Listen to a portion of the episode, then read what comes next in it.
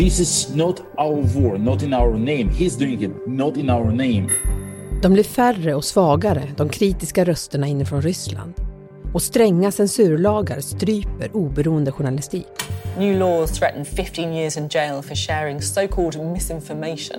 Thousands of people have been detained for protesting. På en kvart får du veta hur vardagslivet i Ryssland ser ut idag.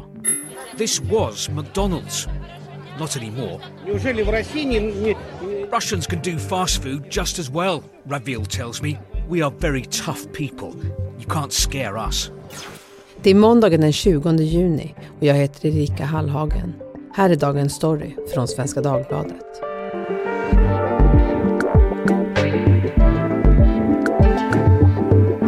Maria Georgieva, journalist som jobbat i Moskva i många år, bland annat för Svenska Dagbladet. När Ryssland invaderade Ukraina så var du ju tvungen att lämna landet.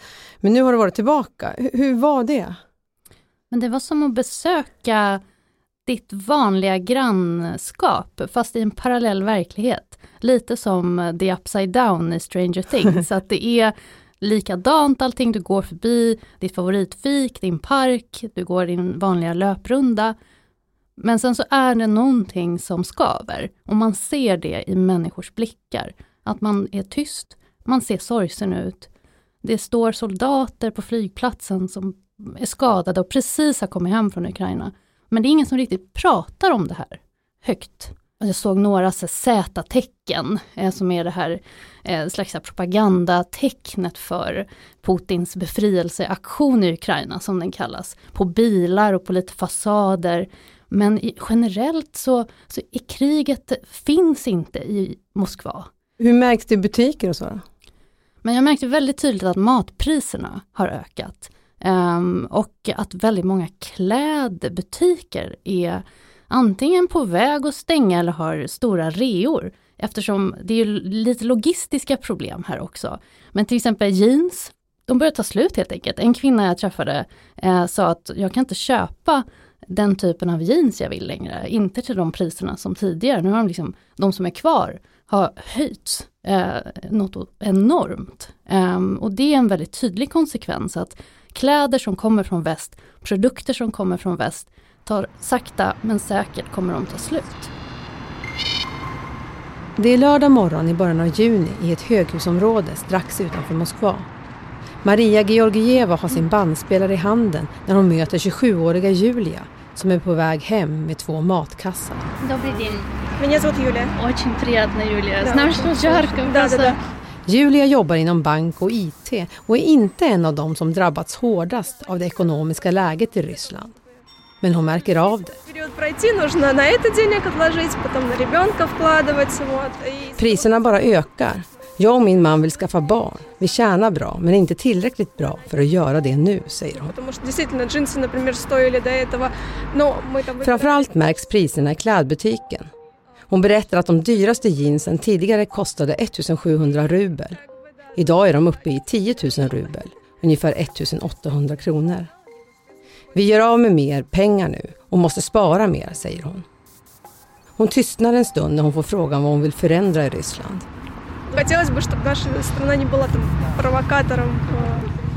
Det är svårt just nu, säger hon. Jag vill inte att mitt land ska vara en provokatör när det gäller allt. Jag vill bo i ett fredligt land. Och om jag får barn så vill jag att de ska ha en framtid.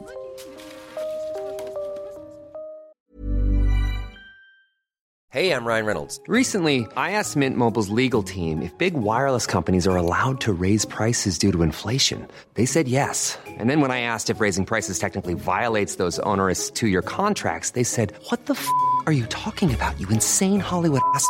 So to recap, we're cutting the price of Mint Unlimited from $30 a month to just $15 a month. Give it a try at mintmobile.com slash switch. $45 up front for three months plus taxes and fees. Promo for new customers for limited time. Unlimited more than 40 gigabytes per month. Slows. Full terms at mintmobile.com. Alltså ryssar och ukrainare är ju sammanflätade med varandra historiskt och kulturellt eh, sedan många år tillbaka. Det finns ju de som pratar om sina släktingar och eh, sörjer kriget. Ehm, och vågar säga att det är fruktansvärt det som händer. Sen finns ju de som inte kan säga någonting för att eh, på något sätt så förstår man att man inte får säga någonting dumt eller fel.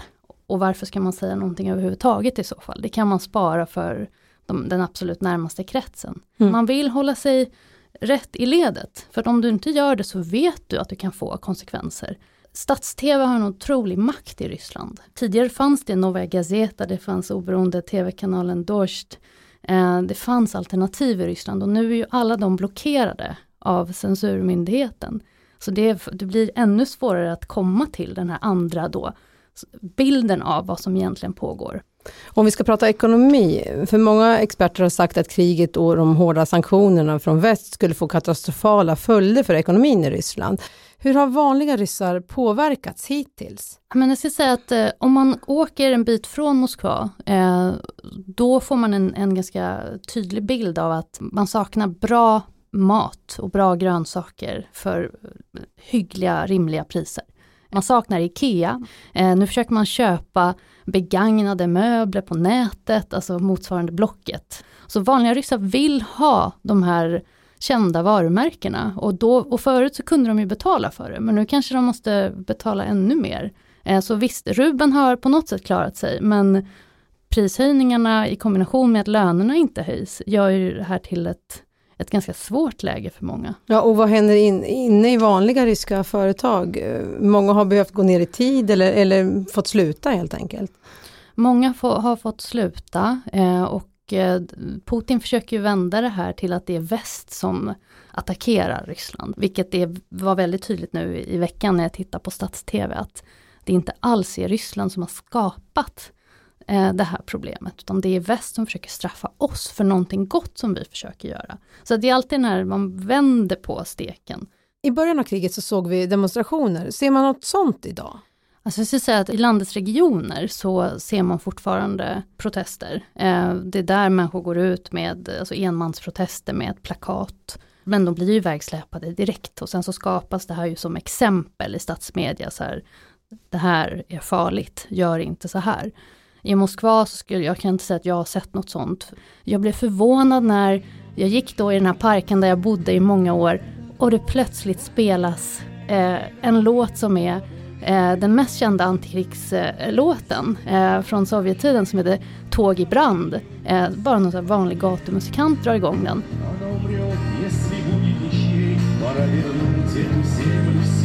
Och parallellt så går polisen runt den här parken och försöker mm. leta efter aktivister eller olika misstänkta människor.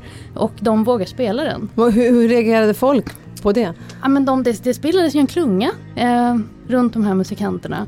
Eh, ingen vågar ju riktigt applådera eller liksom ge dem uppskattning men man liksom sjunger med lite tyst för sig själv kanske och visar sin uppskattning. Och det är det här som är kontrasterna i Moskva, att parallellt som medelklassen har fått eh, en enorm frihet till att liksom tjäna pengar, eh, etablera sig, så har man samtidigt gett bort mycket av sin frihet. Man protesterar inte, oppositionen har tryckts tillbaka och nu i och med kriget så är ju all form av eh, oliktänkande borta från kartan kan man säga. Mm. Eh, det finns ingen opposition kvar i Ryssland. Det har liksom gått från ett auktoritärt till ett totalitärt samhälle över en natt. Mm. Eh, så jag skulle säga att Nej, ingen protesterar. Det är för farligt och det har det varit länge i Ryssland. Men nu när Navalnys hela organisation är nere och du har ingen som bevakar protester som kan visa upp eh, hur de här gripandena ser ut på samma sätt. Nu är det oberoende aktivister som sänder ut på Telegram. Så blir det mycket svårare att få genomslag. Så det är mycket vi inte vet. И мне наплевать! Пусть их будет 124! Путин Putin! Juristen Alexej Navalny är frontfiguren för oppositionen i Ryssland. 2011 började han granska korruptionen hos ryska makthavare och fick snabbt många anhängare i sociala medier. 2013 kandiderade han till borgmästare i Moskva och 2018 försökte han utmana Putin i presidentvalet. Men kandidaturen stoppades eftersom han dömts för förskingring. Anklagelser han nekar till. Navalny har anordnat stora anti-Putin-demonstrationer runt om i landet. Och det var i samband med en politisk turné i Sibirien för två år sedan som han förgiftades med nervgiftet Novichok. All the passengers can hear his agonized groans. the man President Putin hates maybe more than any other, was rushed to hospital in a coma and put on a ventilator. Han fick vård i Tyskland och överlevde, men greps när han kom tillbaka och dömdes för grovt bedrägeri. Fram tills idag har han lyckats leda oppositionen från fängelset med regimkritiska inlägg på Twitter och Instagram. I mars förlängdes hans straff med nio år som ska avtjänas i ett högriskfängelse. Och det här med att det kommer hem nu sårade eh, unga soldater och att man letar efter ny soldatkraft, det har inte skett någon större förändring i opinionen. Det är det där som är för mig en av de stora frågorna, kommer det att påverka opinionen? Eh, för att det påverkar ju hela Ryssland, att de som tar de här kontrakten eh, för att strida i Ukraina nu, är män från de allra fattigaste regionerna i Ryssland. Från eh, Zabalkajske kraj, från Boratja, från Dagestan. Moskvabor skulle inte gå med på en sån lön, eh, enligt de olika experter jag pratar med. Den är för liten. Och eh, om det kommer hem kistor över gränsen som sprids över hela landet och det är begravningar och man ser att statistiken på hur många som begravs uppe i östra Sibirien ökar. Då måste ju det här bryta igenom bruset på något sätt. Så det här har vi sett tidigare i historien också, alltså under Afghanistankriget till exempel. Det är det här som skakar om folk. Även under Syrien pratade jag med, med änkor till legosoldater som reagerade på att de fick betalt för att tystas ner och inte säga någonting om kriget. Men det är en sån nationell stolthet som är så kopplad till hur Putin skapar narrativet om sitt Ryssland, om sin seger. Eh, och vill nu återskapa det stora fosterländska krigets glansdagar. Eh, vilket är helt bakvänt men den propagandan har folk matats med under så många år. Så om den faktan att titta så många ryssar som faktiskt dör på grund av ett befrielsekrig som de inte ens, som de kallar det, inte ens visste att de skulle ge sig in på. Det, det återstår att se hur det här, om det kan påverka opinionen. Än så länge så har de lyckats vända det till att allting går ju så bra. Stats-TV i Ryssland visar hur ukrainare i tackar de ryska soldaterna Medan i västerländska medier så är det totalt motsatt bild som visas upp. Generellt när du pratar med folk, är de, är de stolta över sitt land eller, eller skäms de? Mm, jag skulle säga både och. Jag ser en skam i blicken. Men sen så har man liksom på något sätt per automatik det här nära till att jag skulle ge allt för mitt land. Titta vad vi själva har fått av Putin, att Putin förknippas med stabilitet i Ryssland. Eh, och den, att, att ge upp idén om att Putin inte skulle stå för stabilitet, eh, det sitter väldigt långt inne. Så spontant vill man säga, jag skulle ge allt för mitt land. Eh, man är stolt över att Ryssland igen kan bli de här befriarna. Men egentligen så, ju, så, så känner ju folk att det här är Nazityskland. Det, den bilden har jag också fått höra mycket, att vi vaknade upp och plötsligt så levde vi i Nazityskland. En person berättade att hon inte kunde äta eller sova, borsta tänderna, på flera veckor. För att hon kände en sån skam i kroppen. Av att helt utan att ha något att säga till om, plötsligt står hon där med sitt ryska pass och inte kan resa någonstans för att hon skäms så mycket. Mm. Så det, alla bilder finns. Och vad händer för dig nu? Du ska tillbaka till Moskva? Det ska jag. Eh, jag har precis fått min nya akkreditering, vilket innebär att ryska UD ändå låter mig få jobba kvar i landet. Men jag måste förnya mitt visum. Eh, och vi brukade få det ett år i taget. Men nu har liksom alla utländska medier riskerar nu att få förkortade visum. Just för att de kanske inte vill ha oss där, de vill göra det svårare för oss att arbeta och göra vårt jobb. Utan att vi istället ska syssla med massa byråkrati. Eller rapportera det de vill att vi ska rapportera. Eh, och inte åka ut runt om i landet och försöka förstå hur många ryska soldater har egentligen stupat i det här kriget.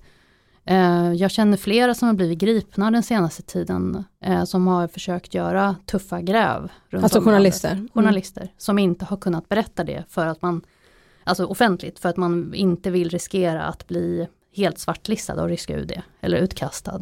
Så det pågår ju en attack mot eh, utrikesjournalistiken som är oberoende, eh, konstant. Så det gör att jag blir sorgsen för att det Moskva som jag är van vid att se finns inte kvar längre. Det var alltid gripanden och det var poliser och det var bråk och Navalny blev alltid gripen. Men det fanns ett annat Ryssland. Mm. Tack Maria för att du kom till Dagens Story. Tack så mycket.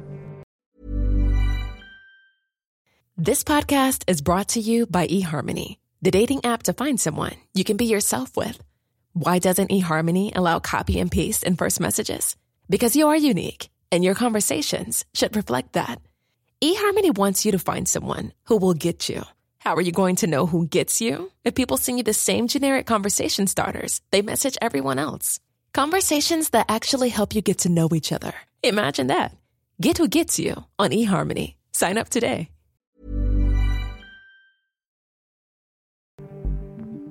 Vi som gjorde programmet idag är producent Kajsa Linderoth och jag heter Erika Hallhagen. Vill du kontakta oss så mejla till dagensstory.svd.se. Ljudklippen kommer från Sky News, BBC, AP, Channel 4 och låten Tåg i brand av Aquarium.